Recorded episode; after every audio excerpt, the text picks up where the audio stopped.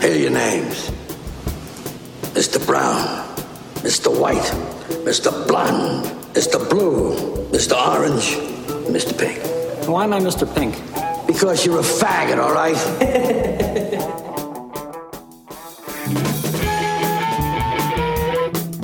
Benvinguts i benvingudes al Reservo Llocs, episodi 50.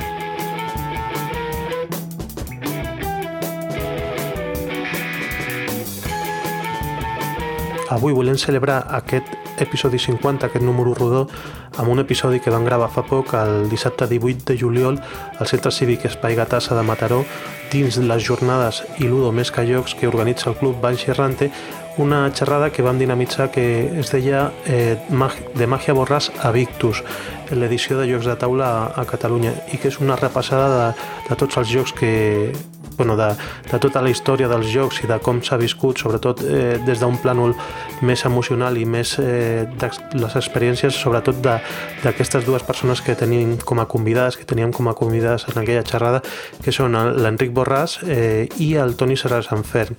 Eh, dintre l'àudio ja es presentaran ells mateixos i sabreu eh, això de, de què va, que, que abarca tot un període, parlem de, des dels anys 70, 80, però podríem haver començat molt abans, eh, però bueno, és aquesta xerrada i, i bé, espero que us agradi. Nosaltres la vam viure molt intensament. L'Enric va portar també alguns jocs molt, molt, molt antics que són de col·leccionista de, de l'empresa Borràs eh, i, i bé, eh, espero que us agradi estem en ple estiu eh, és difícil gravar i em serà més difícil gravar d'ara en endavant també perquè estic esperant ser pare d'una nena i queden hores o dies, molt, queda molt poc per, eh, per ser-ho i, i bé, que seguirem gravant amb el Jordi també i farem connexions així però que, que igual se'm complica una mica la història. Eh, us deixo ja amb això, eh, ja sabeu que podeu contactar amb nosaltres a info arroba reservosjocs.cat, també estem a Twitter, també estem a Facebook i a la nostra pàgina web reservosjocs.cat teniu allà un resum de tots els, els 50 episodis, bueno, un resum no, els teniu sencers, eh, podeu navegar els 50 episodis llargs, que són els RJ, els Reservos Jocs, i també eh, gairebé 100, 90, 90 i pico, d'episodis curts, que són les seccions que gravem a Ràdio Sant Andreu, eh, com a Descobrint Jocs, amb l'epígraf DJ. O sigui que teniu contingut, eh, si no ens heu descobert encara, eh, podeu tafanejar i aprendre molt sobre jocs de taula. Us deixo amb aquesta xerrada, que és molt interessant i espero que us agradi tant com a mi. Bueno, primer de tot, donar les gràcies al Club Banxi Errante i al Manu també, perquè és el que ens ha proposat fer aquesta xerrada i sobretot també ens va proposar contactar amb l'Enric com a membre de, de la nissaga familiar d'aquí de, de Borràs, que és, era una empresa històrica d'aquí de Mataró, i també les gràcies a, a l'Enric i al Toni per, eh, bueno, per ser voluntaris d'aquesta xerrada que crec que serà molt interessant. Intentarem anar ràpids perquè hi ha molta història que explicar. I bé, em presento, jo sóc el, el Miquel, el Miquel Jornet, faig un podcast que es diu Reservo Jocs i de fet estic gravant per posar-ho al podcast eh, més endavant. I deixaria també que, que es presentessin els dos convidats eh, aquí a la meva esquerra hi ha l'Enric Borràs, representant d'aquesta nissaga familiar i bueno, que ja es presentarà ell. I a la meva dreta tinc el Toni Serra Sanfer, autor de jocs però moltes més coses al món del, del joc de taula que ara també ell es presentarà. Si vols, comença tu, Enric. Bona tarda a tothom i gràcies, Miquel, i a tothom per, per venir. Uh, a mi em va proposar el Miquel doncs, venir a, a parlar una miqueta doncs, connexió entre, entre el, el que diu el titular, una miqueta doncs, Màgia Borràs amb el, amb el Victus i, i els jocs d'avui dia i em va semblar fantàstic perquè tot el que és parlar de jocs de sobretaula i, i, i de l'actualitat i del passat doncs, uh, i per què no del futur doncs està molt bé. No? Jo, uh, breument, represento la quarta generació d'una empresa que és, que és Borràs, de, de Jocs Borràs, tota la vida de Mataró, tot i que a partir de l'any 2000 doncs, ja va formar part d'un grup més empresarial més important, que és Educa Borràs, i la família ja no està allà dintre, però, però sí que represento doncs, aquesta, com diu el Miquel, aquesta nissaga, i tot el que sigui doncs, parlar d'aquesta història i, de, i, de, i del present, doncs, amb molt de gust doncs, puc, tot el que pugui aportar, doncs, encantat. No? Segueixo, evidentment, en el món de la joguina, o sigui, estic connectat en el món del joc i la joguina, i per tant doncs eh, encantat i gràcies uh, jo sóc Toni Sardà Sant Ferm com dit el Miquel estic aquí doncs uh, doncs potser no com a representació d'una miqueta eh, el, el moviment que actualment de, de l'aficionat al joc de taula, als Eurogames, als jocs més, més temàtics.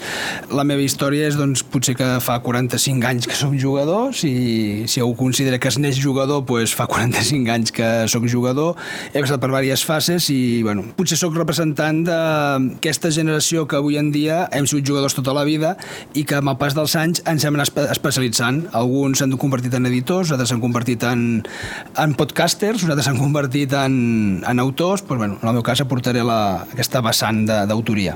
Així en dades, eh, el que hem recollit és, bueno, l'Enric Borràs ve d'aquí de Mataró i com a concepte li hem posat nissaga pionera eh, en el món de les, de les joguines i dels jocs aquí a Catalunya i faré una repassada molt ràpida de, del, que és, bueno, del que he tret de, documentant-me que el 1894 Agapit Borràs, que serà el teu besavi, besavi.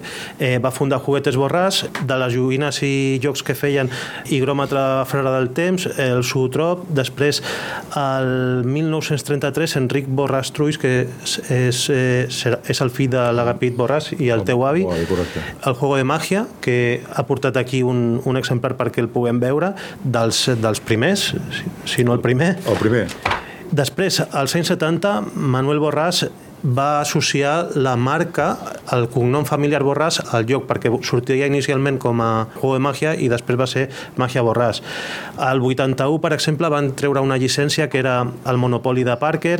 El Monopoli el va introduir el meu pare l'any 1966. Doncs eh, Wikipedia, com sempre, eh, falla, va, pot fallar, sí. sí també als 80 posava que també van introduir la llicència francesa de la pantalla Telesketch, pels nostàlgics que vam tenir alguna també. Després, el 1980 95 Manel Borràs refunda l'empresa com a Borràs Plana S.A. i li devem també eh, jocs com el Cluedo al 89, Dungeons and Dragons al, al 92, Atmosphere al 92, Tente, el lloc de construcció al 98, més tard ve la fusió amb Educasellent i ara mateix eh, té una empresa que es diu Tot Idees SL que també està vinculada a, al món dels jocs i, i continua fent l'original del seu besavi que és eh, l'higròmetre del frare del temps. No? Correcte, correcte. Sí, sí. Del Toni, el concepte que hem agafat és eh, passió transformada, perquè molta gent té passió, però pocs eh, tenen l'habilitat de transformar-la en ofici, pràcticament. Va ser jugador de rol, membre del club de rol Menrod, jugador d'Eurogames i temàtics, autor de jocs, membre de l'UDO, de l'Associació de Creadors de Jocs de Taula, com a jocs publicats té el 4 Amicus per Homolúdicus el 2010, Victus amb Devir el 2015 i sortirà aquest 2015 també Storytelling amb Viravi, que està en una campanya de, de micromecenatge a Berkami també ha fet molts prototips i, i ha participat en concursos guanyant-los també i tal. És assessor a l'editorial Viravi de Granollers, fa de scouting editorial per altres editorials i també és consultor a Santa Clara. Eh, són totes aquestes coses que parlarem més tard dels nous oficis que també estan sorgint en el sector. I després d'això anem a parlar dels anys 70-80 perquè, bueno, estaria, tu pots començar a parlar d'abans si vols, però com a nucli del joc de taula on començaries, Enric? Bastant abans del que tu has dit, no? Perquè, mira, ara que has dit això i això que per email et vaig comentar, dic, mira, us portaré també un joc doncs, que també és molt antic i és un, és un joc de sobre la taula que es diu Les Guerres Modernes, bé, que és un joc on us, us mostro ràpidament i que veureu de què va. Vull dir, aquí hi ha un taulell, eh, per tant és un joc de sobre taula, és dir, hi ha un taulell i aquí hi ha, sense que em caiguin, eh, hi ha unes fitxes blanques i unes fitxes blaves, amb cavallers i amb, i amb guerrers jugant, no? És a dir, això algú podria parlar de que, de que es podria ser l'original d'un tipus estratego, no? Aquest joc és del 1911, aquesta, aquest, aquesta caixa, aquest model. Mm. Per tant, bueno, a part de que és, jo crec que fa molt de goig poder veure això avui aquí, però eh, el joc de sobre la taula comença molt, molt abans. No? Evidentment, si parléssim del joc de l'oca ja estem parlant de, de, de fer més de 100 anys, no? diguéssim, i bastant més. No?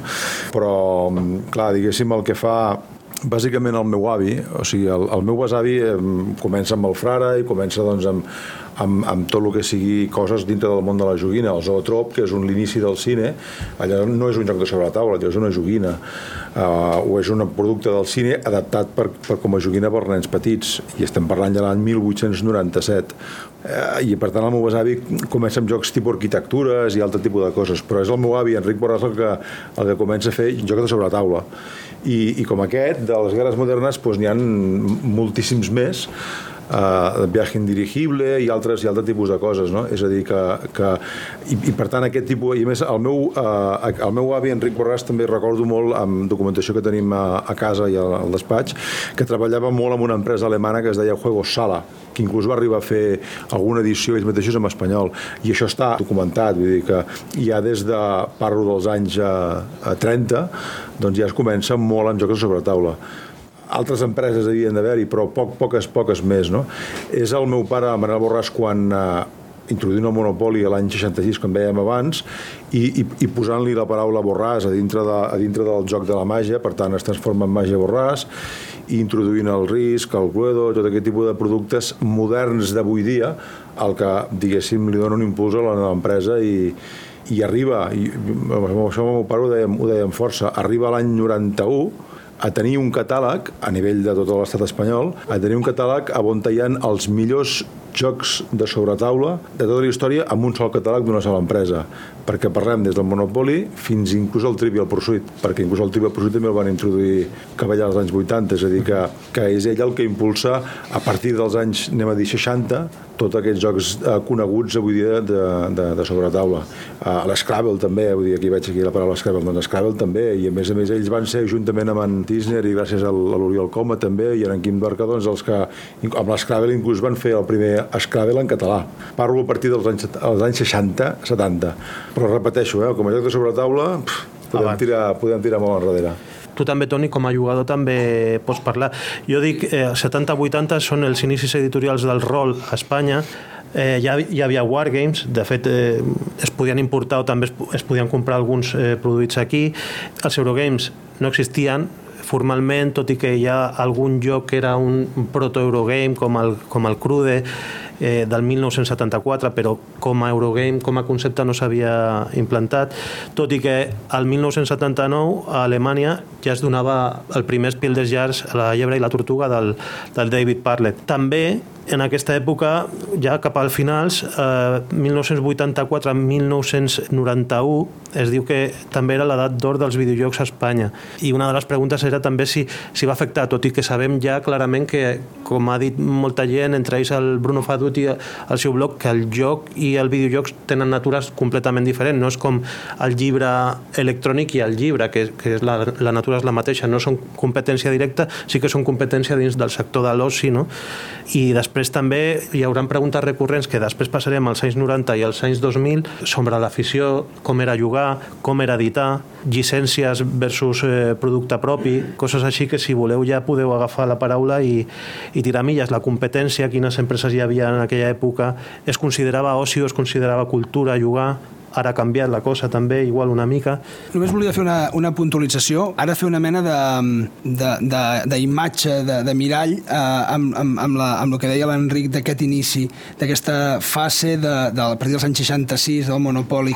Els jocs que ha parlat l'Enric formen part de de, del record, de l'imaginari de la generació que som els jugadors avui en dia. És, és, és molt habitual que quan tots parlem de com vam començar a jugar, són els jocs que sempre hem jugat en aquella, en aquella època, quan diu que l'any 91 els millors jocs formaven part del catàleg de, de Borràs, són els jocs que tots els que avui en dia estem vivint aquesta bombolla o aquest eh, boom dels jocs de taula que sigui, el, el nostre origen, almenys aquí a Espanya, està en aquest catàleg de Borràs de, dels anys 80, per sí. marcar-ho un, un d'això. Tots hem jugat al, al, al Monopoly, eh, tots hem jugat al Cluedo, tots hem jugat al Trivial, i aquesta és la base que ens ha portat en una mena de salt temporal de 30 anys al punt que estem ara. Sí, no estic completament d'acord amb el que has dit, eh, Toni. És a dir, eh, perquè eh, no hi havia res més. Sí, bueno.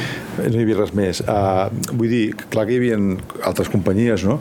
Educa volia fer jocs de sobretaula, però Educa estava molt basat amb el tema dels puzzles i el joc sobretot molt educatiu i no entrava massa o li costava inclús entrar en, el, en, el, en aquest mercat de joc de sobretaula. Altres companyies com 17, el mateix de lo mateix. Eh, pel que sigui, doncs perquè la història va anar així, primer Monopoly, després el Cluedo, després diferents jocs així, pel que sigui la història va fer que la història i poder la feina doncs, del meu pare i, el, i tal doncs, va fer que, que, que l'empresa tingués però no hi havia massa més alternativa i és cert que a poder aquests jocs donen peu a, a lo que després han pogut ser un Dungeons and Dragons, per exemple, que parlàveu, no?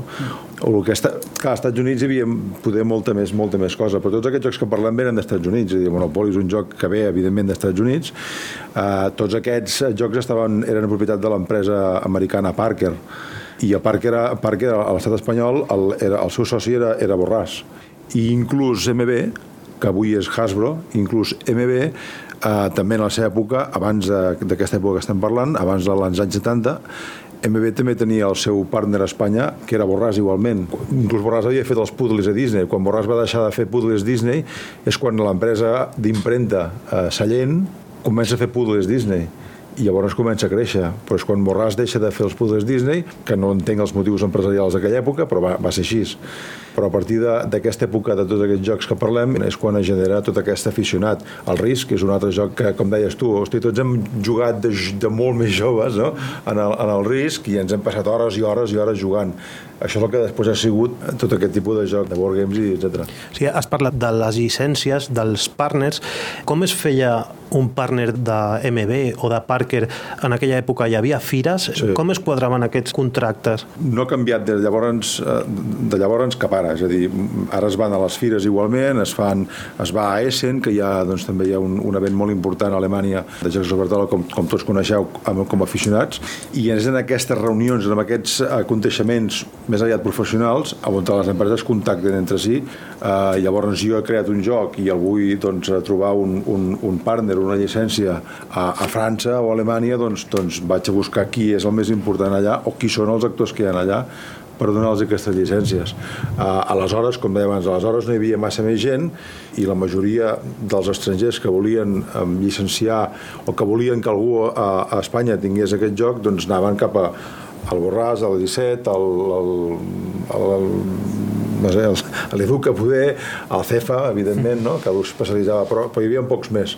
I amb les fires que hi ha arreu del món, és a dir, a Nova York ja hi havia una fira que encara hi és, però abans eren més importants, és on en aquestes trobades eh, tu acabes de lligar jocs bé amb empreses o bé inclús amb mateixos inventors. No? I jo, a l'època treballant a Borràs, doncs et presentaven un inventor, et presentava un joc que era una caixa de color blanc i tu havies de posar tota la imaginació i havies de veure el producte final, com per exemple aquell joc del Victus. No? És a dir, havies de posar tota la imaginació i dir, bueno, doncs ho veig o no ho veig. I això avui dia no ha canviat. Mm. Avui dia et presenten una idea que pot ser un de paper o pot ser una caixa blanca i l'editor que dieu avui dia, però és el fabricant o l'editor és el que té que posar tota la seva imaginació per veure allò acabat. Hi ha algun petit canvi que, per exemple, l'inventor, que seria l'autor de, de la mecànica del joc, Ara mateix sí que s'està aconseguint per esforços d'associacions i tal que reconegui a les capses. Suposo que vosaltres en aquell, eh, en aquell moment l'inventor passava la idea, cobrava uns royalties i ja sí. mai més es sabia, no? Sí, Sí, sí, es podria posar una lletra petita,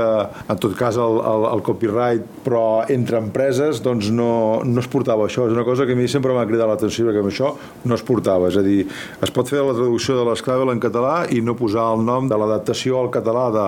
Nosaltres ens fèiem un munt d'adaptar jocs eh, estrangers eh, al nostre catàleg i, i no posàvem altre, adaptado per, inclús borrar, adaptado por tal, no, no, no, no ho posàvem. Bueno, és, és, un món, és un món una miqueta, diguéssim, diferent. Avui dia sí es fa, però es fa amb un, amb un cert tipus de producte, com pot ser un Victus o com pot ser un d'aquest tipus de producte però amb, amb, amb, avui dia a, a Borràs o 17 o MB o tots aquests, Mattel continuen amb la mateixa dinàmica, és a dir, uh -huh. això no, no ha canviat per res. D'amenaces externes fora del sector, jo he parlat una mica de, de l'edat d'or dels videojocs a Espanya, com ho vau viure en aquell moment? Eh, teníeu amenaça pels, per sectors diferents com el videojoc o el cinema o el, els videoclubs, o no sé...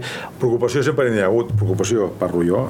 Amenaça, mm, amenaça sempre ha estat present perquè qualsevol, jo sempre he dit que qualsevol mm, producte d'oci, com pot ser un, un simple viatge, eh, o anar al, al, al, en els parcs d'aventura com a Tarragona i tot això, doncs evidentment no deixa de ser un, un, una amenaça, una competència, un producte alternatiu a, a, a un altre d'oci com pot ser un joc de sobretaula.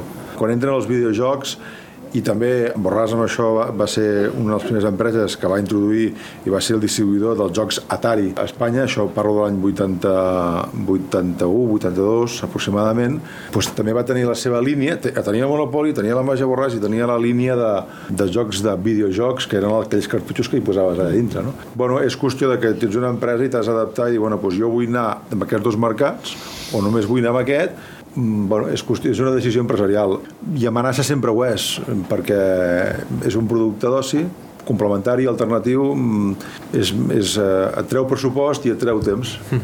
I tu, Toni, aquella època, com la vivies com a jugador? Jo estic molt, molt d'acord amb això de que el joc de taula té com a competidor doncs, altres productes d'oci. Com diu l'Enric, en aquella època poca cosa hi havia, no hi ha la, la, la varietat que hi ha, que hi ha avui en dia. Però el principal competidor del joc de taula és l'edat del jugador. És a dir, encara avui en dia passa, potser ho estem intentant trencar una miqueta, però jo crec que el principal competidor del joc de taula era quan el nen s'anava fent gran i arribava un moment que desapareixia el joc de taula del lleure del nen, quan arribaven 14-15 anys, potser agafava altres tipus de lleure, en aquest cas el, el, el joc d'ordinador, o mm, les nòvies, els nòvios, o, o el que sigui, i potser hem descobert molts, parlo d'aquesta generació, que bastants anys després l'hem recuperat. El competidor del, del joc de taula era l'afició que podia tenir l'edat de, de la persona en cada moment, no sé. Està bé que ho hagis dit perquè és un tema... Això ha passat un problema, això, és a dir, jo sempre ho hem dit, els nens cada dia deixen de ser nens abans. Mm. Avui dia sí que hi ha un problema, jo penso que hi ha un problema molt més greu, els mòbils, les tablets i tot això, davant del joc de sobre la taula. És a dir, llavors, el que abans un nen de 5 anys o 4 et podia jugar amb un joc de cartes de memòria de mal i corrent i això era donava peu que després s'aficionés amb un Cluedo, amb un Risc i acabés amb un Victus, val? Això és un problema avui dia, perquè el nen petit no hi juga, no juga res és a dir, juga amb les noves tecnologies d'avui dia. I per tant, ha de ser quan és més gran, de dir, ostres, m'agrada seure a la taula i jugar amb un joc de sobre la taula i jugar al Victus mm. i compartir l'estona i, i fer la Coca-Cola o, o el gin tònic o que sigui i, i jugar, o no m'agrada això i no hi entraré mai. Clar, Ara no es dona peu això. Abans es donava peu perquè no hi havia res més. I ara si es dona peu això, a dir, bueno, doncs jo no jugo perquè mm, faig altres coses i ja està. I això és un problema avui dia. Això fa poc vaig llegir una, un article a un blog en anglès i van fer una petita estadística sobre eh, una sèrie de 10 o 12 ítems i preguntaven en els nens quina d'aquestes formes de, de joc practicaven més amb els seus pares. I el, el joc de taula estava entre les primeres. Val?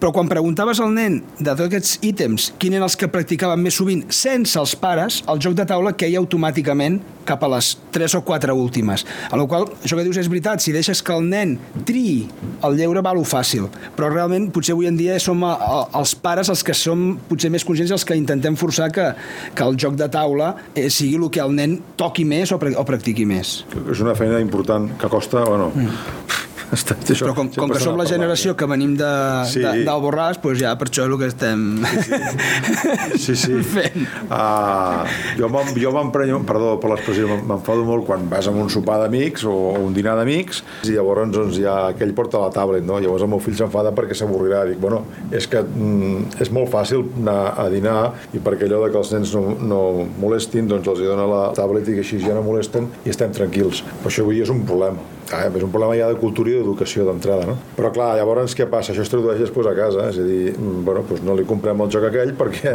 perquè ens és molt més fàcil que el nano no t'avali mirant la tele i així el tio no, no, no, no m'atabala. És bastant patètic, però bueno, això sempre ho hem dit. Abans i ara, vull dir, abans sense, sense tantes tecnologies i ara també, que és que els pares sempre s'han de dedicar un moment a la setmana, per no dir el dia, a jugar amb els nens. Sempre. I això ho tenim a dintre tots, eh? És a dir, ja podem ser de tercera edat que com vulguem, perquè sempre tindrem allò, el nen a dintre sempre el tenim, eh? vull dir, sempre tenim, eh, sempre estem jugant, vull dir que podríem dedicar una miqueta també al, a això, perquè això és una forma de, de relació. de relació social diferent. No? Suposo que els problemes són dels 80, dels 90, dels 2000, però reconduint, si voleu, saltem ja als 90, perquè pel Facebook l'Antonio Catalán, que no ha pogut venir, eh, ens ha dit, recorda el campionat d'Scrabble en català que es va fer al Born el 1990. Ja comença a entrar el català dintre dels jocs de taula, que ara mateix ha guanyat molta importància també, però vosaltres ja... L'Oriol com s'apunta a Montjuïc? Ah, vale, pues, eh, vale, vale. va ser a Montjuïc.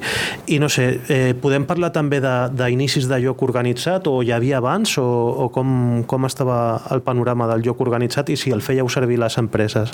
Quan dic joc organitzat vols dir a competicions d'aquest tipus? Sí, que les, aquest, no? les editorials a lo millor promocionaven els jocs eh, fent jugar la gent d'alguna sí, manera. Sí, home, uh, amb el Monopoli, per exemple, vull dir, jo ja era molt petitet, evidentment, i, i, i pot tinc documentació i fotografies i tot de campionats del món del Monopoli.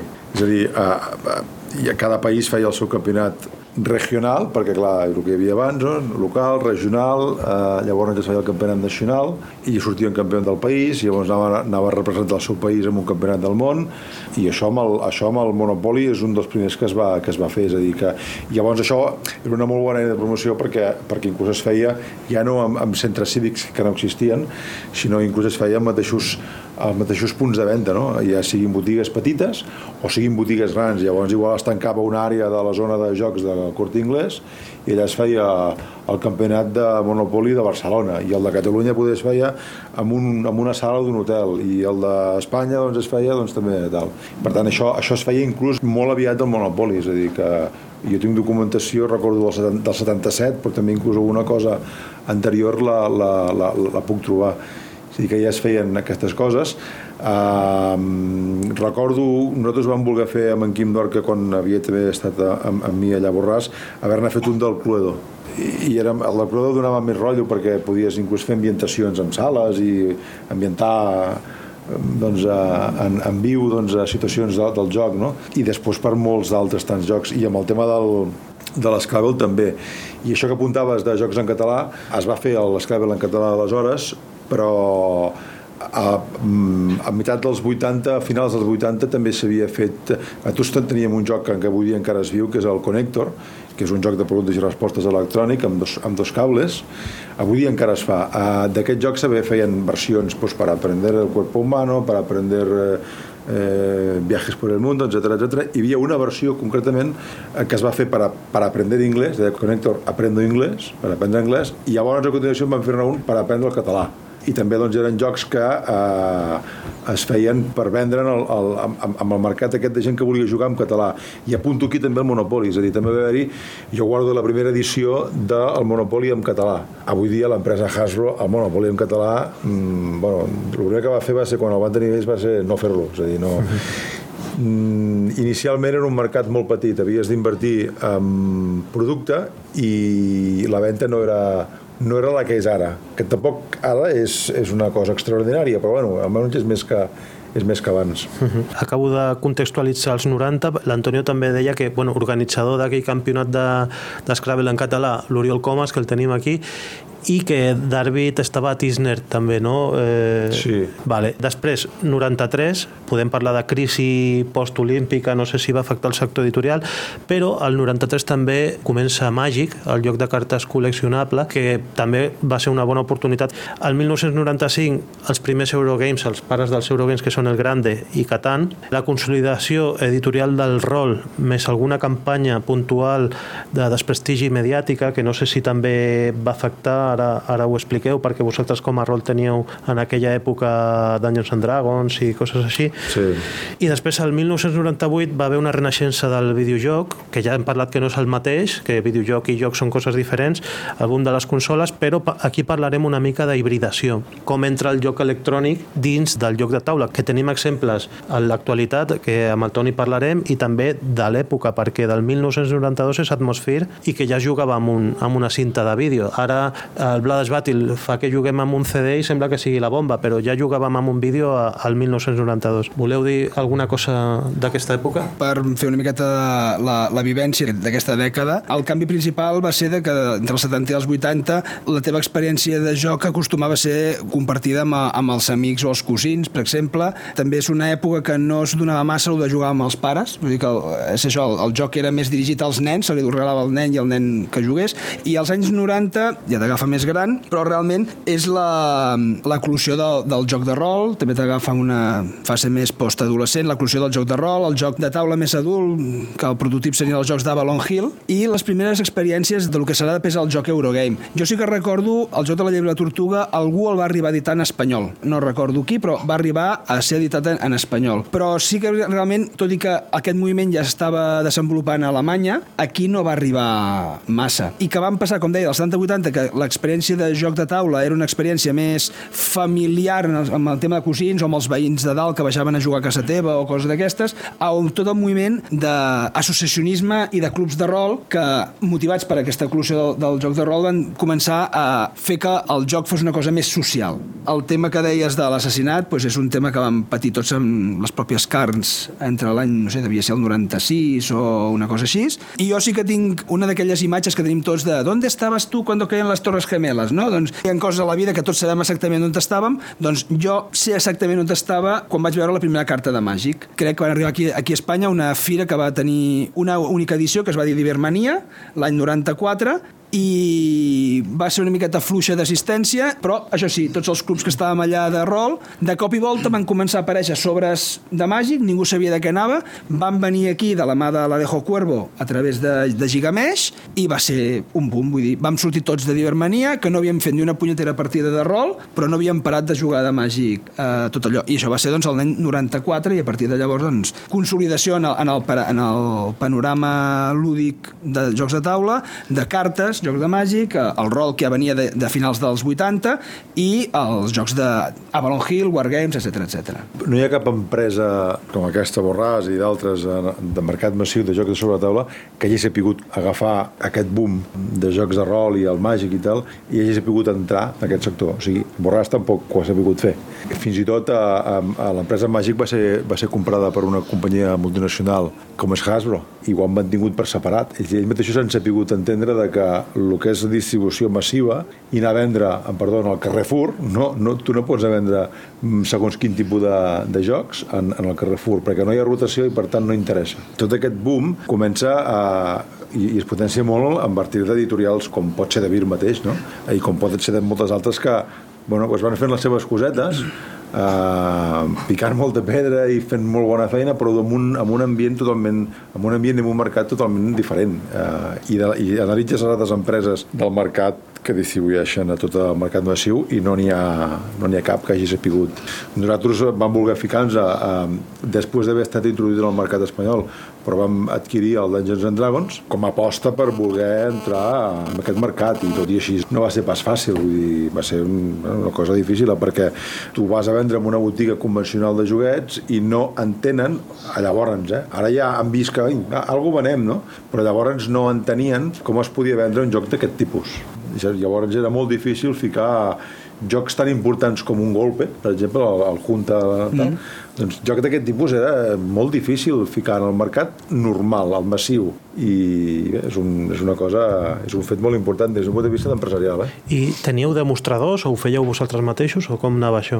Bueno, uh, és una feina per això dir, era molt complicat sobretot era molt, era, en aquests jocs que estem parlant ara diguéssim, uh, agafar els comercials de venda els agents, els teus venedors i explicar-los que no és el mateix de vendre una màgia borràs a vendre un torno, que si el tinc allà llavors ho dic molt, no? Victus vull dir, llavors és, és una cosa complicada vull dir, era molt més fàcil vendre la Major Borràs, pràcticament es venia sol, perquè tinc que enrotllar-me i, i fer de promotor, quan llavors havies d'anar amb altres eines, però ja directament en el consumidor final, intentant muntar campionats intentant fer eh, altre tipus d'activitat de publicitària. I l'estat de la vostra empresa, eh, anàveu a pescar talent a la gent que a l'aficionat o era gent que entrava a lo millor d'empresarials i després havia de fer l'esforç de jugar? No en quin sentit? A buscar eh, pescar gent? De... Un comercial, per exemple, era d'universitat, de, de formació o era jugador i després es formava dins de l'empresa? No, els comercials eren gent eh, que, que es ficaven en el món comercial, vull dir, no...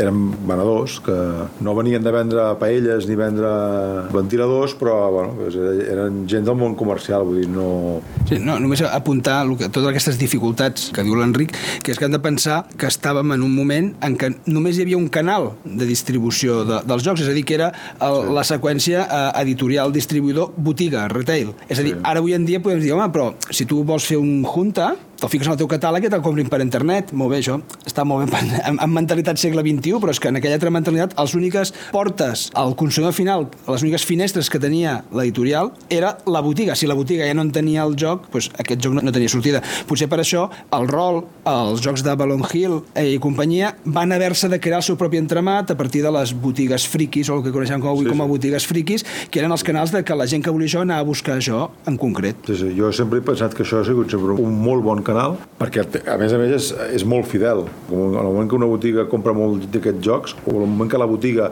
té molts consumidors que li van a comprar molts d'aquests jocs. És un negoci amb una clientela molt fidel en el sector general d'una jugueteria. Si resulta que pel que sigui, doncs aquell joc que t'havia comprat l'any passat baixava una miqueta de ventes ja no li interessava. I dius, home, un Junta es pot seguir venent des de fa 20 anys seguits sense... No, no té perquè doncs, es cremaven els productes o es cremen els productes molt ràpidament. Per tant, les botigues generals aquestes de joguets, doncs, bueno, és molt... Ara ja han entès que hi ha certs jocs que sí, però fins que ha arribat aquí i ha sigut molt complicat que tinguessin joguines o tinguessin jocs que realment doncs, podem venir en menys. Però bueno, allà on te'n vendràs tindràs un client que tornarà segur. Avancem cap als 2000, igual hem anat molt ràpid, però també perquè doni temps a la gent que vulgui fer preguntes. A l'any 2000 es funda la Board Game Geek, que és la comunitat de referència als Estats Units, però a nivell mundial també, de jocs de taula. Jo pregunto si el geek és un freak en positiu, o si tu abans, Toni, has dit les botigues friquis, ara ja el geek ja està millor vist o, o s'ha popularitzat més aquesta figura. El 2005 al 2006 és la fundació de, de YouTube i la compra per part de Google. I per què dic lo de YouTube? Perquè s'ha viralitzat eh, l'afició. Ara, eh, amb els blogs, amb els podcasts, amb els vídeos, amb Twitter, eh, la comunitat de jocs de taula a Twitter, per exemple, és molt activa, o Facebook fins i tot. El 2009 es funda Kickstarter, que encara igual no sabíem el que era o el que representava, però que és un altre canal de distribució i la pregunta és si és una oportunitat, és un perill i després ja, després de parlar d'aquests 2000, parlem una mica de l'actualitat, si voleu, i sobretot el tema de Kickstarter, tu, Toni, igual mm, podràs parlar també perquè estàs vinculat amb un procés de, de micromecenatge amb un joc que actualment està per sortir també. I si vols tu també, Enric, entrar en com vas viure la massificació de, de l'afició, perquè crec que van ser els anys de plena eclosió. Jo penso que tot això que estàs dient és, eh, com veig amb la teva documentació, és, és tota una oportunitat, és a dir, perquè tot aquest tipus de, això del Board Game Geek i, i altres activitats d'aquest tipus que s'han creat en les xarxes socials és important perquè, mm, en definitiva, tots estem en el, aquest món tecnològic, tots consultem al Facebook i si no ho fem al Facebook ho fem a dintre d'internet, al YouTube o altres coses. Després anirem a jugar, però tots estem allà. Per tant, és anar a buscar el, el, teu, el teu possible consumidor allà on també està. I, i això dona, dona, dona, també dona peu a que petites iniciatives puguin, sense haver de passar pel cort inglès, i ho dic així descaradament, no hi ha cap problema, però sense haver de passar per aquests poders de la distribució, doncs aquestes iniciatives puguin sortir i, i puguin tenir el seu èxit, no? I tot això jo penso que està molt bé, és, una, és, un, és molt potent, és una gran oportunitat. Parles de la, de l'eclusió de la sortida de la BGG, però realment la BGG no és més que, o YouTube no és més que un reflexe d'internet. Internet és la, la informació a, a casa teva és, és, és tenir la biblioteca de Trantor a, a la, a la, al dormitori, no?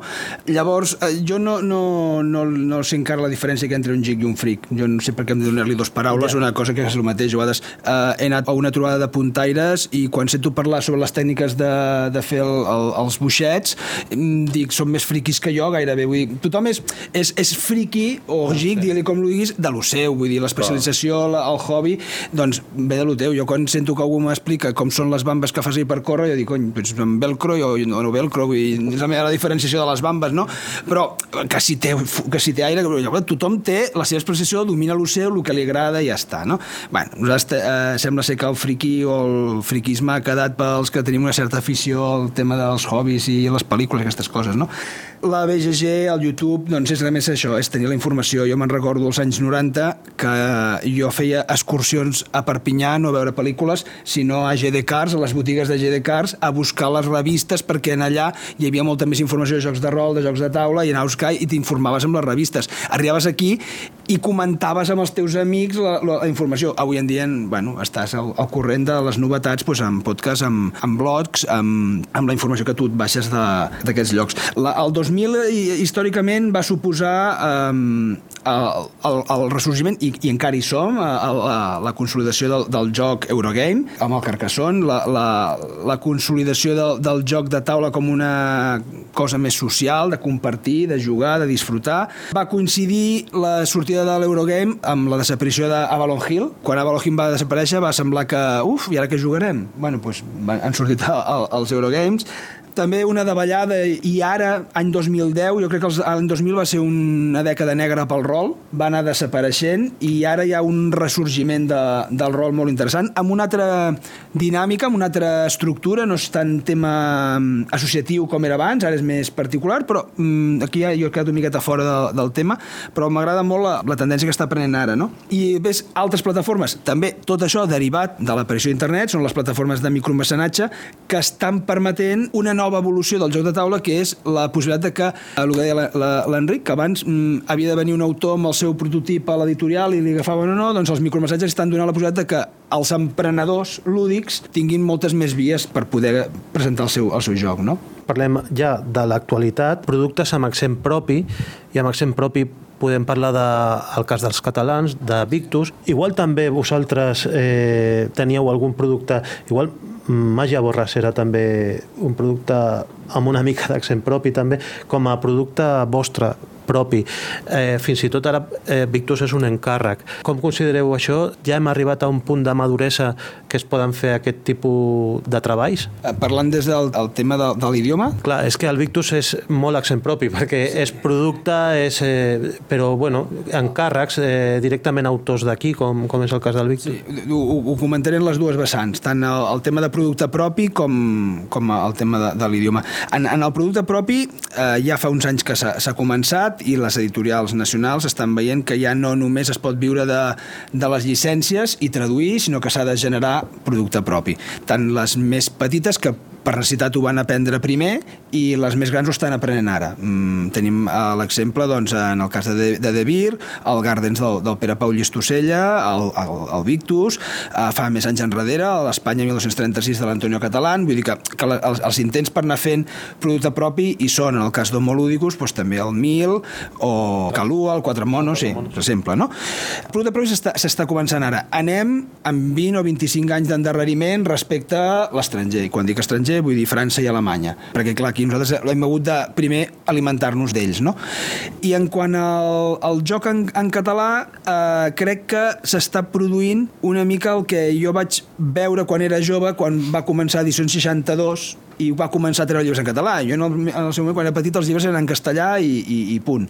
I un bon dia va començar a aparèixer aquests llibres de color groc que eren edicions 62, si no recordo malament, mm. un altre més endavant, després els grumets de la galera, recordo jo, amb, amb tema eh, infantil, i semblava que anaves a buscar aquells, aquelles coses. Avui en dia vas a les llibreries i gaire, gairebé, tot en, en els dos idiomes, no? Crec que s'està començant a, a descobrir i s'està començant a educar al públic de que poden demanar el el joc en català i suposo que bueno, és qüestió de sembla, picar pedra i anar, i, anar, i anar treballant. Va, tot depèn del tipus d'editorial, com deia abans, no? perquè hi ha editorials o fabricants, vosaltres parleu molt d'editorial i això m'agrada molt. Eh? Mm. Jo que com vinc de, de, de la tendència d'abans és el fabricant o, o la marca comercial eh, que comercialitzen els, els jocs més importants que hi ha hagut en la història, que repassàvem abans i que tots aquests pues, estan a tot arreu i, i ja està. I aquesta gent o aquests fabricants o aquestes empreses no dediquen tots els esforços a, a aquest nou mercat. De tota manera, el que parlaves abans de França i Alemanya, vull dir, França i Alemanya, i sobretot que jo crec que Alemanya, ja fa anys que ens, ens estan avançats, tenen, mm. i a més a més tenen un mercat molt més consumidor. Pensa que jo me'n recordo de fa ben bé 20 anys, allà un joc de, allà posaven un joc, el feien joc de l'any, un joc, qualsevol joc de Ravensburger infantil, eh, de l'empresa Ravensburger, el feien joc de l'any, li posaven allà l'etiqueta i d'aquest joc en venien 150-200.000 unitats. Aquí et podies donar per content si d'un joc en venia 50.000 o, o, o 20.000 podries donar molt, molt content. Per tant, estem parlant de mercats que són molt més consumidors, sí pel clima, per la cultura o perquè els agrada molt més llegir, o no, no, no ho sé, però, però ja són molt més consumidors. I, i en aquí, per sort, ha arribat ara, o fa ja uns anys que, que està arribant, més igual que siguin en català o en castellà. L'important és que hi hagin productes poder fets aquí és, és molt important. També el fet d'haver de, de la necessitat d'exportar o la necessitat de vendre més enllà del mercat espanyol doncs, eh, eh, també fa que t'hagis de crear tu el propi producte o hagis d'agafar mm. algú que s'hagi inventat un, una, un joc i que estigui molt bé, perquè aquí són tan capaços de fer un molt bon joc com qualsevol alemany o com qualsevol francès. És posar-se. Hi ha molta gent que esteu fent, que esteu creant jocs i hi ha molts autors i per tant això jo penso que és, que és molt important eh, de cara al futur i, i, i, i que hi hagi mercat consumidor, clar. S'ha de vendre, eh? El Toni, per exemple, fa d'assessor d'una editorial, fa tasques d'escout, eh, de, de buscar talent fora, per introduir-ho a una editorial d'aquí que li pugui interessar un determinat tipus de lloc d'un autor determinat, fa de consultor, tu, Enric, tot això, tots els agents, per exemple, totes, tots aquests eh, rols o, o, o oficis, ja els coneixies d'abans o han sortit ara? O... Podríem un cas com el, tan clar com el que em dius d'Antoni, no. És a dir, jo penso que abans no existia. El que hi ha hagut sempre és el, el típic representant que porta diversos inventors i els proposa als seus clients, que són les empreses importants de jocs. I després entre empreses sí podies compartir. Jo podia crear un producte i, ostres, vaig a veure els senyors de, d'Estats Units i tal, i doncs mira, doncs, escolta, doncs llegeix el joc o et ven el joc net, o... i, i això, es, això es feia i es fa. També és cert que avui dia d'empreses d'aquest estil n'hi ha, ha menys. Ara anava d'Inglaterra unes quantes que ja no hi són, per tant ja m'ho he callat. I tu, Toni, amb aquestes tasques que fas, eh, has cobert una necessitat real eh, en el mercat? La meva, com ho passo molt bé. Vull dir, vull dir uh, el que em diu l'Enric, això abans no existia i, i segueix sense existir. Vull dir, no, tampoc. No, vull dir que, que, que no, és, no, no és la meva tasca, no, no és la meva feina. Jo Clar. tinc una altra feina i això forma part del meu lleure, és la meva especialització dintre de, de, del lleure. Com a assessor, assessorament, l'únic que faig és intentar aportar el meu coneixement del, del, joc, del joc de taula que jo vaig aprenent jugant i, i com a aficionat i mirant coses doncs a, a una editorial, en aquest cas Viravi Edicions uh, en el seu moment doncs diuen necessitem jocs propis doncs si jo conec autors que fan altres jocs, que per altres jocs, els hi recomano doncs, jocs que crec que poden estar bé i que tenen potencial per ser editats. Uh, anem, a, anem a Essen, mm, vaig per la, per la, pels estants, provo jocs i quan veig algun joc que pot ser aconsellable, doncs els hi presento. El, el, mira, no, home, doncs sí, doncs no, el fico a la cua, aquest any sí, aquest no, etc etc. Llavors, aquesta seria la, la part d'assessorament i, i, i, de, i de scouting, no? Després, parlant amb, amb botiguers, es queixen que igual hem arribat a un punt de saturació de referències, que s'ha dit edita molt, molt lloc de taula actualment. Eh, això, igual comparat amb, amb un altre sector, com el del vi o, els de, o l'editorial de, de llibres, no, encara no m'ha arribat, o sigui, perquè eh, vosaltres noteu que hi ha certa saturació de, de productes, eh, hi ha massa lloc de, de taula comparat amb abans, Enric? Jo crec que quan més n'hi hagi millor. De tota manera, mm, i, i no em malinterpreteu, però si diuen això, tampoc, eh, tampoc penso que sigui un, una cosa mal dita, eh? vull dir, pot arribar a haver-hi saturació. Aviam, a tots ens agrada els jocs, de sobretaula perquè per això estem aquí, però el mercat té un tamany, eh? I per molt que vulguem vendre i facturar, ja dic com a empresa que vulguis facturar més, o com a botiga que vulguis facturar més, el mercat té un tamany.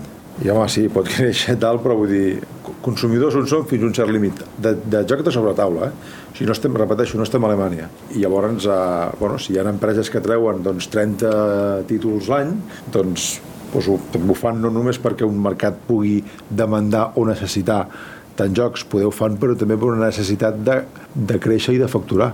I dir, el que abans facturava amb aquells jocs, ara m'estan baixant perquè ja no és l'època de llançament d'aquells i tinc que treure nous perquè el que m'està baixant per aquí ho tinc que compensar-ho per. És dir, a mi no em val que la meva facturació em baixi perquè aquell joc ja no es ven tant com abans. No, és que tinc que treure un altre. I perquè d'aquests 30 que jo tregui, poder 10 surtin molt bé i es quedin com a jocs de molt bona venda, doncs en tinc que treure tants perquè si en trec 10, amb aquells 10 no aconseguiré la, tota la venda. Per tant, és normal que poder la presentació de molts jocs, que al final la botiga digui, ostres, és que n'hi ha massa jocs. Bueno, mm, és que en trec molts, vull dir, perquè perquè uns quants siguin els, els, els elegits, no? siguin els realment de molta venda. Sí, jo estic d'acord, el, el, el mercat té un tamany, però exactament, el mercat té un tamany, i el té ara, però també estic molt convençut que aquest no és el límit del mercat que podem no, no, tenir. No. Llavors, això implica que eh, tots els agents implicats en el que és el, el joc de taula han de tenir clar que hi ha una part de promoció i de treballar al mercat, tant editorials, autors o afi i aficionats. Les botigues també, però potser una miqueta menys. Si, si no, sí que arriba un moment de col·lapse, perquè no, però no, no pot créixer tant. Però s'ha de treballar i s'ha de, de fer créixer aquest mercat, perquè realment quan vas fent activitats i vas veient amb gent nova que ho descobreix i li agrada, vol dir que el producte és bo i l'afició és atraient quan es descobreix. El que passa que hi ha un, un factor de, de desconeixement molt gran. En el seu moment no hauríem tingut a Espanya el boom dels anys 90 amb els jocs de taula si Joc Internacional no hagués fet tota una tasca d'incentivació dels clubs de rol i de jornades divulgatives com va fer en el seu moment. I en aquell moment estem parlant de un, pràcticament una única editorial. Però mm, el rol a Espanya no seria el que és sí, sí. sense el Francesc Mates, el Francesc Mates i, i Joc Internacional. I pràcticament van ser el, la proa de, que va obrir el, el camí aquí, aquí a Espanya. I per tant hi ha una... Ja no vull, no vull dir evangelització, perquè crec que no és, una, no és un bon terme, però sí divulgació i, i de donar a conèixer l'afició, la, que a mi el joc de taula ha de ser una cosa que ha de formar part de, del desenvolupament de les persones i de, i, de, i, de, i de les relacions familiars. Per tant, no és una cosa de dir, no, és que ens hem d'aficionar tots a, a, a Bollywood. No, no és, no és això. És una cosa que ha de formar part de, de l'evolució i de l'educació de les persones. Sí, d'acord que perquè el mercat aquest pugui, pugui créixer i pugui seguir desenvolupant-se, que ho ha de fer, ha d'haver-hi pressió per part, de, per part de tots aquests agents que deies tu. Pressió també vol dir més, més novetats, més, més cosa. Sí, sí. sí eh, ha marxat perquè havia de marxar a les 7 a l'Oriol Comas i parlàvem de promoció. Ell és eh, l'instigador de, de, bueno, el cap visible de, de la Fira Jugar per Jugar des de l'any 2006 a Granollers i del Festival d'Au Barcelona des del 2012. Possiblement són, són activitats que siguin cap d'alts en aquesta promoció. Fins i tot jugar per jugar porta fent bastant temps un concurs de, de creació de llocs que també ha donat visibilitat a autors, eh, autors d'aquí. Eh, no sé si, si heu visitat o, o si coneixeu, aquest, sé que les coneixeu, aquestes iniciatives, però les valoreu, suposo que també positivament, no? He de contestar aquesta pregunta? sí, les conec i les valoro Sobre el concurs, per exemple. El concurs, eh, eh, crec que eh, sí, sí, eh, si estem parlant de, de proes, de, de vaixells, doncs el concurs de Granollers és la proa de, de, de, de la llavor i de les ganes de crear jocs de taula de, de, de, de la generació d'autors que estem avui en dia a Espanya. Vull dir, com a jugador, tard o d'hora, hi ha un tant per cent important de jugadors que tard o d'hora t'agafen ganes de vaig a crear el meu joc, això passa. Però la manera i, i de com fer-ho i, i l'exigència que té el fet de voler participar en un concurs fa que t'hi miris més, intentis fer-ho millor i, i vulguis que no és com una la pastanaga que et fa aprendre i, i, i evolucionar, no? Les tasques de, de, de, la, de les jornades, concretament de, de Granollers i de Barcelona, és aquesta i també, lligant amb el que comentava abans, una altra de, de, de les divulgacions molt importants i que fan aquestes jornades, que és la divulgació en les institucions. És a dir, dèiem de divulgar en el, en el, en el públic, en el, en, el, en el mercat, però també hi ha una part molt important i que aquesta la fa gent molt concreta, que és la part de divulga, divulgació i de conscienciació d'aquestes activitats en les institucions. I també bueno, la descentralització, de, no només parlem de Barcelona i Granollers, també ja eh, estan sorgint jornades a tot arreu, entre elles aquestes que estem aquí, que, sí i Ludo, Mataró, ha posat ja la primera pedra i suposo que, que continuaran. Sí. Jo crec que uh, n'hi estan havent moltes i, i són reflexes de que n'hi ha unes quantes de grans que, que funcionen, la de Sabadell, la de Mataró, la Girona, més gran, més petita, la, la de Sant Vicenç dels Horts, la dels Correjocs. Hi ha, hi ha, hi ha un, una escampada pel territori, bueno, parlem, parlo més de, de Catalunya perquè és el territori que conec, però quan vas a, a, a fora de Catalunya també una mica passa el mateix, eh? Ja està bé que hi hagin unes jornades més grans, però que n'hi hagi un escampall de, de jornades més petites va molt bé perquè és la manera d'anar de, no de fer com passava potser en els anys 90 amb el rol, que tu feies unes jornades i havies d'aconseguir que vingués gent allà i quan venien s'espantaven i se n'anaven. No, aquestes jornades s'estan obrint a fora al carrer i estan portant l'afició a fora perquè la gent vegi que és una cosa normal, natural i que els sigui més fàcil de, de, de, de conèixer-ho. Jo penso que és una sort que eh, la quantitat de aconteixements d'aquest tipus que n'hi ha, eh, els coneixem més els que tenim els que tenim per aquí a la vora nostra, però, però després a l'arreu de l'Estat doncs ja, jo m'he donat compte darrerament que, que, bueno, que n'hi ha més i això està molt bé, penso que és, és, és molt important. Això ja ho voldríem fa, ja feia anys ja, ja ho voldríem, no? Uh, teníem, nosaltres vam començar amb el, amb el Dorca, amb el Joaquim Dorca, vam començar a muntar el, el, el que era l'Engent Con que es feia als Estats Units, que les feia TCR, que era el propietari de, de Dungeons and Dragons i les vam fer començar de la mà d'ells, quan distribuïem Dungeons and Dragons nosaltres, vam començar a fer aquí i realment jo em dono compte que era una feina pff, dura, dura, molt important, vull dir, però costava. I, I hi havia aquesta visió, no? de dir, hòstia, és que el que ve de fora, entre cometes, el que no és friqui, vale? Sí. o sigui, ve a dintre i s'espanta i se'n va corrents, no? I dius, ostres, el concepte és erroni, però bueno, és el que, el que hi havia. I per sort ara, doncs, bueno, va bé que s'obri i que, i que, i que, bueno, que, que, que vegis molts més jocs que no pas els quatre que hi havia abans, no? abans de donar passa, si voleu fer alguna pregunta al públic, a mi quan el Toni deia que té, sobre el concurs, que té ganes de fer algun joc, eh, el de la pastanaga i tal, m'agradaria preguntar-li a, a l'Enric, que tenint sempre la família vinculada al món editorial de jocs, si, si alguna vegada han tingut la iniciativa de dir anem a crear nosaltres un joc a nivell de, no sé si, si tu, el teu pare, el teu avi...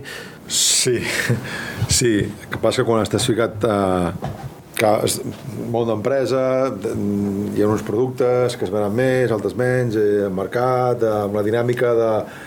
Mm, dius, mira, sí que vull inventar un joc, però és que mm, hi ha una època de l'any que, que ens en ofereixen tant, llavors tu escolleixes i tal, llavors dius, bueno, o aposto i agafo algú i faig un departament que dic, doncs mira, aposto uh, per això i poso allà quatre persones que es posin a inventar jocs i, i ho deixo allà, aviam què passarà, o, ostres, tinc tanta feina que, saps? Sí. Llavors es, es feia poc, jo tinc que dir que es feia molt poc, perquè llavors et venia el típic australià amb l'atmosfera, eh, que, sí.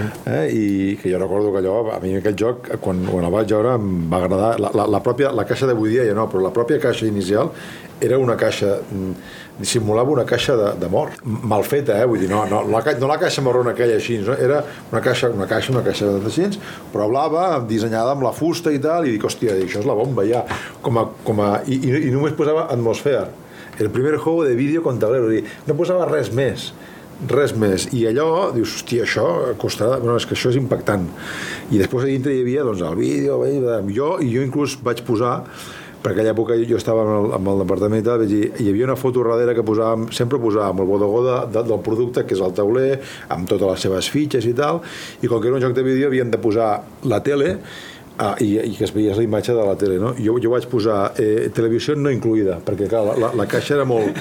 I, i me'n recordo, i no, no és per ficar-me a floretes, i, i em van dir, Patiu, tu estàs sonat? Dic, home, dic, com pot haver una tele aquí dintre? Dic, perdoneu, dic, però llavors ens parlo de l'any 91-92, jo crec que va sortir 92. Teles d'un cert tamany així petites, més o menys, poden hi havia alguna d'aquestes de tècniques d'algun periodista jo què sé, la gent et pot reclamar després que li fotis una tele de dintre, no? I me'n recordo això, però aquell, aquella, aquell producte era una bomba. Que a tu t'ensenyen allò, allò va ser una inversió de, de, de molts milions de pessetes, allà, pessetes llavors, i, i va ser una, el primer, el primer any va ser, un, va ser una bomba, allò va ser, van vendre bastants i, i realment inclús en, en aquest cas sí que vam agafar el que dèiem dels venedors si són demostradors de producte o no perquè els hi quedés molt clar els hi van fer la, la venda en la convenció, els hi van fer la venda del producte i vam agafar de l'hotel, vam tancar, vam muntar un estant a dintre d'una sala de l'hotel i vam muntar una habitació tancada a les fosques. I havies de jugar a les fosques només amb la tele i amb la llumeta per jugar damunt de la taula perquè els hi quedés l'impacte de, això a casa no ho fas, és evident, però perquè els hi quedés l'impacte i van sortir d'allà... No, no ho fas, bueno, no ho fas. Eh? No ho fas, no ho fas. Bueno, jo ho he fet, eh? Va, va. Però nosaltres que hi posàvem hasta, hasta bafles, eh? Vull dir, aquells tios els hi fotíem allò. Eh? Vull dir, han de sortir d'aquí com aquell que diu voy a vender hasta mitad, no? I, hòstia, i, I perquè realment havien de sortir amb molta xispa, perquè el joc era molt, molt, molt potent. Jo això ho deia, hem introduït aquest, aquest joc ara i tal, ho deia perquè allò que quan et trobes amb una cosa d'aquest tipus, com a empresa dius, ostres, sí, ja sé que tinc un parell d'inventors, o ja sé que podria començar a inventar productes, però és que ara estic molt liat amb això, que és tremendo, no? Eh, I per tant era, era, era difícil per això deia abans, empreses d'un cert de tipologia, com pot ser un Educa Borràs avui dia, un Mattel o un Hasbro, empreses com un Devir i com d'altres, un Ludicus abans i tal, que són dos tipologies de companyies diferents, amb la qual una sí es dediquen a aquest tipus de mercats i l'altra, per desgràcia, i sap greu dir-ho, no té temps per aquestes cosetes. I ho dic així com si fos un muntó despectiu perquè és el que a vegades es pensa, no? I m'agrada més anar a vendre al Carrefour perquè em compraran de seguida i amb una sola visita ja faré la comanda important de l'any i en canvi amb l'altre tinc que anar botigueta per botigueta i això em costa a nivell d'estructura un... Per tant, doncs, a posar-me el mateix, posar-me a inventar, dius, hòstia, és que sabent de com no, no tinc temps, no, no tinc temps per perdre. Passem les preguntes al públic. M'ha m'ha agradat molt perquè ha sigut com un contrast, no? La, la, la, la producció industrial amb l'artesania, no? Pues tu de seguida has parlat de 50.000, 60.000, no? I ell de seguida ha parlat de 2 milions i tant. És un Bitcoin, no? Jo no, par, no he parlat de menys perquè, perquè em sap greu, no? Et podria dir... Et puc dir les xifres d'un monopoli en català i en castellà, eh? T'ho asseguro que, hòstia... Llavors, quan empresarialment et diuen no, has de fer ben jocs en català, i dius, sí, home, sí. Per, per què? Per fabricar-ne 5.000, que és el mínim, per vendre'n 500? Hòstia, és que no sé. Tot, tot i això, que se sap, algú ha de començar, si es vol un, públic, un producte, si es vol un, no? un, si un mercat en català, algú ha de picar pedra. Completament d'acord. Jo sóc el primer que m'apunto, eh? David, per exemple, jo estic molt admirat de que últimament està picant pedra tot un sector com és l'infantil. A més, el català infantil de David en català és per treure el barret, perquè té els millors jocs alemanys, els està publicant en català. No? I les grans, la pregunta és, heu plantejat apuntar-vos a picar pedra en català? Home, jo et puc contestar tot el que vulgui perquè com que ja no formo part de les grans i però com que me les conec però que les grans estan per, eh, per vendre molt i vendre fora. Per desgràcia el joc de sobre la taula eh, hi ha poques empreses que avui dia encara segueixin com jo penso que haurien de seguir dedicant-li el que està fent per exemple de Vir no? penso que és així i no em sap greu dir-ho i mateix Borràs no ho està fent bé jo crec i quedarà gravat i m'és igual. És el que hi ha i a mi em fa a més a més em, m'entristeix perquè a més a més vinc d'on vinc i penso ostres si vaig a un punt de venda i veig els jocs que hi ha i a, a, havia sigut una empresa puntera de jocs i ara no hi ha més que la Màgia Borràs i quatre, i quatre més? Que sí, mira què fan, el joc de la, el juego de la Liga. Dius, va, està molt bé, és perfecte llicència, el que deies abans si és perfecte, tot això està molt bé però hauries de dedicar-hi una miqueta més a aquest tipus d'altres coses, però clar, és que això dona poc per a aquestes empreses grans. Dona poc, o sigui, cada títol dona molta feina. I en canvi doncs, si, si traiem un joc o una joguina o un joc que és una línia que em dic Victus, però de Victus puc fer el Victus Travel, el Victus no sé què i puc fer 10 edicions diferents del Victus doncs ostres, eh, doncs, eh, per mi molt millor que no pas treure un joc que hi ha una infinitat de coses i que els hi costarà, llavors no. En canvi, empreses com De Vir, doncs segur que tenen, com que ja tenen una estructura ja feta, ja una, és una cosa molt diferent. No? Només puntualitzar, i tornant a la imatge aquella que havia dit jo dels llibres en català, eh, quan es va començar a finals dels, dels 70, principis dels 80, a introduir la producció de llibre en català, sí que hi havia edicions 62, però el segment que es va treballar més al conjunt d'editorials catalanes a traduir llibres en català era l'infantil, perquè és la manera de llaurar-te un, un públic de futur. Vull dir, quan tu tens acostumada una persona que té 40 anys i tota la vida llegida en castellà encara que sigui català no parlant, entrar-li al català, doncs sí, més o menys, però si tu agafes a nens amb 7-8 anys que comencen a llegir i ja comencen a llegir, jo de la meva època, a grumets de la galera, el Zodampitus i companyia, quan són més grans ho tenen més fàcil i és començar a llaurar, perquè no trauràs la normalització de joc en català avui en dia.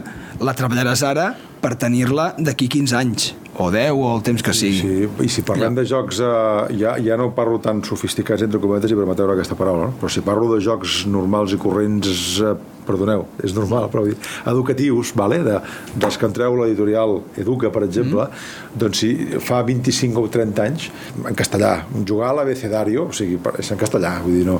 Avui dia, tu no pots estar al mercat espanyol si no tens aquest joc abecedario en català Aquí, aquí, aquí, per sort, si no ho fas en català no et menjaràs un rosco perquè, evidentment, tot va d'acord amb, la, amb, la, amb el tema escolar, no? I avui dia, per sort, no sé que en Bert faci més coses, no? però per sort el, el, el, el, el català està molt implantat amb el, amb el, amb el, llavors clar eh, per tant abans, era, abans a, a fer alguna cosa en català doncs era molt més complex perquè havíem nascut i viscut i crescut amb el castellà i jugar en català se'ns feia més raro però vaja, amb el Monopoli ho havien fet com a primera cosa. I et dic que el Monopoli d'en català les ventes eren del 5 al 10% del que era l'edició en castellà.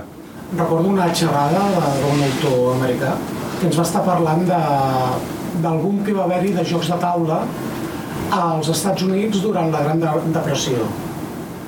Perquè bàsicament era una forma d'oci barata.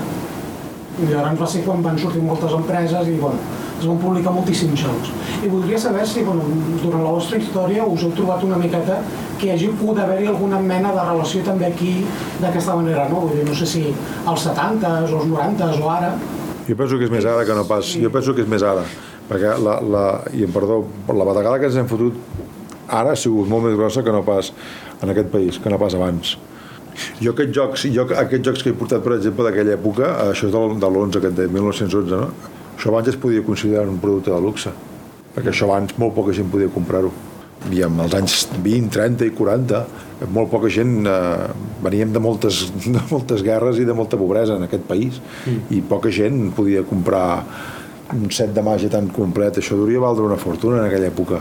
Avui dia no, avui dia tot això és molt més accessible, però realment dels anys 70, 80 i 90 jo penso que la, la batagada que ens hem fotut ara econòmica és tan bèstia que poder ara és l'època on doncs mira, jugar és més barat que fer un altre tipus d'activitat no? jo ara em compro un joc de sobre la taula i m'ho passaré més bé eh, i em serà molt més barat molt més barat que comprar una tablet perquè la tablet ja val de 200 euros per munt i un joc de sobre la taula val 10 euros, 15, 20, 30 Soc membre de, de l'organització de, de les jornades. Primer agrair a, a tots els que esteu aquí dalt Eh, per nosaltres és un honor tenir-vos. I felicitar-vos a vosaltres, home. I també, bueno, volia fer una pregunta a l'Enric, una mica anecdòtica, eh, què, què mena de jocs jugàveu a casa? Perquè jo de petit m'ho deien sempre, tu que ara has de tenir tots els jocs, no? Dic, no, no, no, no. Que a vegades casa de roro, cuchillo de palo. Jugàvem, doncs, jugàvem als jocs de, que evidentment eren nostres, però perquè eren els jocs més populars també, com podia ser Monopoly, un Risk, un Cluedo, jugàvem a tots aquests jocs, jocs de... també jocs de cartes, eh? vull dir... però a tots aquests jocs de sobre la taula. No, a la meva època, eh? vull dir, jo tinc 45 anys, doncs, eh, doncs quan tenia 10 anys jo jugava als estius allà, cosa que el meu fill amb 10 anys no, no, no, no fa, però bueno, ja, això és el que hi ha, no? De, de jugar als jocs aquests que dèiem abans, no? Que parlant del, del mercat dels nens petits i les noves tecnologies, eh, en un futur no penseu que potser adaptar els jocs a les noves tecnologies, com potser ara mateix una alquímia, no podria ser una forma d'entrar de, dintre de, dels nens petits, com per dir, per, mm. d'aquí a 10 anys potser que tinguin més... Pot ser, però, però jo no sé, pregunto-m'ho d'aquí 5 anys, igual he canviat d'opinió, però jo a data d'avui sóc partidari de que no s'ha de forçar. És a dir, són, eh, jo crec que les noves tecnologies han d'estar al servei del joc de taula presencial i no ens hi hem d'obsessionar. És a dir, si jo tinc una idea molt bona d'un joc i necessito tirar d'algun element, com pot ser un mòbil, pues tira-hi, cap mena de problema, com pot ser l'alquímia o el, el Una noche al hombre lobo. Vale? Ara bé, si no fa falta, no fa falta. És a dir, si, l'important dels jocs de taula és l'experiència social o, o, o el moment de compartir eh, el lleure amb, amb, amb els amics, amb la família o qui sigui. Quan faci falta, que, que es faci servir. sense cap mena de problema, i sempre quan estigui ben, ben integrat. Però jo, jo crec que no, no hem de pensar que les noves tecnologies ens han de fer que la gent conegui el joc de taula, perquè si la gent ha de conèixer joc de taula perquè li agraden les noves tecnologies, doncs escolta'm, que disfrutin de les noves tecnologies, però és que a més a més les noves tecnologies permeten unes coses que no permeten els jocs de taula i a l'inrevés. Per tant, aquesta integració, aquesta fusió, aquesta sinergia estan molt bé que es donguin doncs, quan calgui que, que, que es donguin i, i crec que en aquests casos, com és el cas sobretot d'alquimistes, és fantàstic perquè notes que és l'experiència plena i total que aconsegueixes, mentre que en altres, altres jocs, sobretot en temes de, de jocs deductius, quan no hi havia aquesta integració de, de noves tecnologies, es veies que allò rechinava, no? I, hosti, és que la solució de, de fa, de fa eh, aquests 30 anys del Cluedo pues, és perquè si tu vols que un joc sigui de deducció pocs mecanismes a part d'un Cluedo Mastermind existeixen perquè un joc de taula incorpori eh, de, temes deductius i en canvi avui en dia podem descobrir que el que hauria de fer una altra persona ho pot fer a unes noves tecnologies. El Victor ha generat molta polèmica en el mercat de jugadors, ara no agafo els dos, no pregunto els dos, perquè és una edició exclusiva en català. Què en penseu d'això? Que ha generat polèmica perquè és, en, perquè és, uh, està fet exclusiva en català. Well, està bé, així se'n parla. No? Això, això sí. Està, està, està bé que parlin de tu encara que sigui malament, no? I ara, i ara, clar, ja parlo sí. a favor del, del Toni de, i, de, sí. i del David, no? però bueno, està bé. Això en principi és una, una decisió editorial, ho he dit més d'una vegada, que respecto i que no entenc perquè no m'han explicat els motius. Vull dir, però que, que estic convençut, a més coneixent el Xavi i el Quim, estic segur que té una raó. Vull dir, i que han analitzat el que hagin hagut d'analitzar i, i és, jo què sé, eh, jo, si fos el, el meu cas, el que hauria fet, i, i que no, no vull dir que, ho hagi, que hagin fet això, però el que hauria fet és analitzar el grau de ventes del llibre Victus a Catalunya i a fora de l'estat espanyol i si tu dius, ostres, que per cada Victus que s'ha venut a fora de, de Catalunya n'hi han 50 venuts a Catalunya, dius, home, un, un joc de taula que està basat en una obra literària i que té aquesta distribució potser no val la pena dedicar un esforç financer a fer un joc que potser no tindrà aquesta sortida fora. I si més no, esperem a veure què passa aquí abans de, de treure-la fora. Jo crec que estem parlant purament d'una decisió de mercat. A més a més, eh, no estem parlant d'un joc que es diu el joc de la independència ni, ni, ni res raro, com, eh, ni res polític, vull dir, com en altres jocs que sí que van a tocar una miqueta més aquestes senyes d'identitat. És, és un joc mm, de guerra, ¿vale? Uh, aquesta novel·la en català, doncs ja dic, jo crec que respon simplement a, a temes de, de mercat. Crec que no respon a res més. Que, evidentment, la repercussió fora de Catalunya és menys i fa més soroll? Pues sí, pues mira, se'n parla. I queda clar que hauria fet també un Excel, va fer un Excel per fer el joc i hauria fet un Excel per saber si s'havia de vendre ah, sí, en, ca sí, en castellà i en català. Segur, segur, segur. Hi ha alguna pregunta més? Doncs si voleu ho deixem aquí perquè crec que ara teniu un lliurament de premis de, perquè també aquí a les jornades Iludo es fa un concurs de creació de llocs amb, amb Berkami. O sigui que us deixem ja que amb la propera activitat i gràcies per acudir a la, a la xerrada. Gràcies per tot.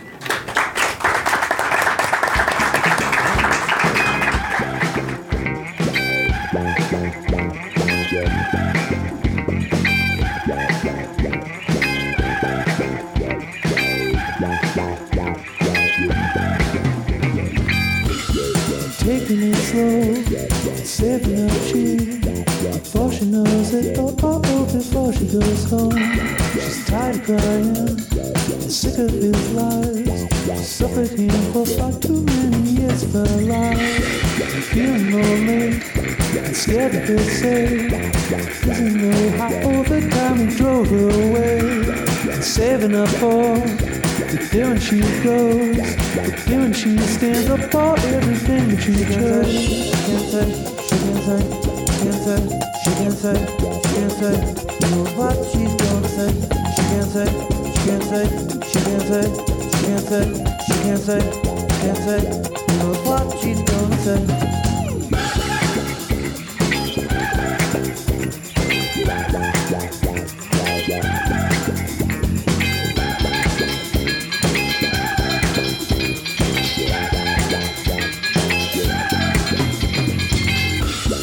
Seven up she goes. There when she stands up for everything that she chose. I'm taking the kids, I'm driving away. Turning around the light, she let me siphon away. I've been with you for all of these years. Tell me what I've got to show for all of my tears. The times you hurt me and treated me wrong.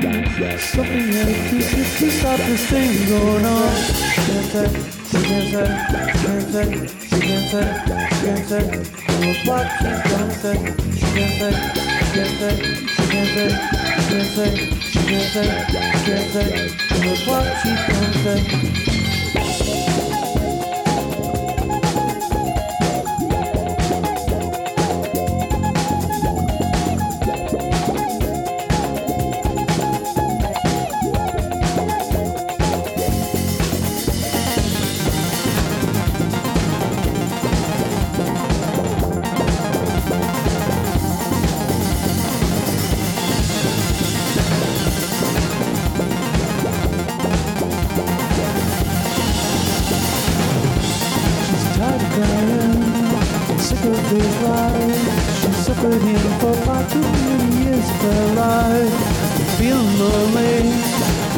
he'll say.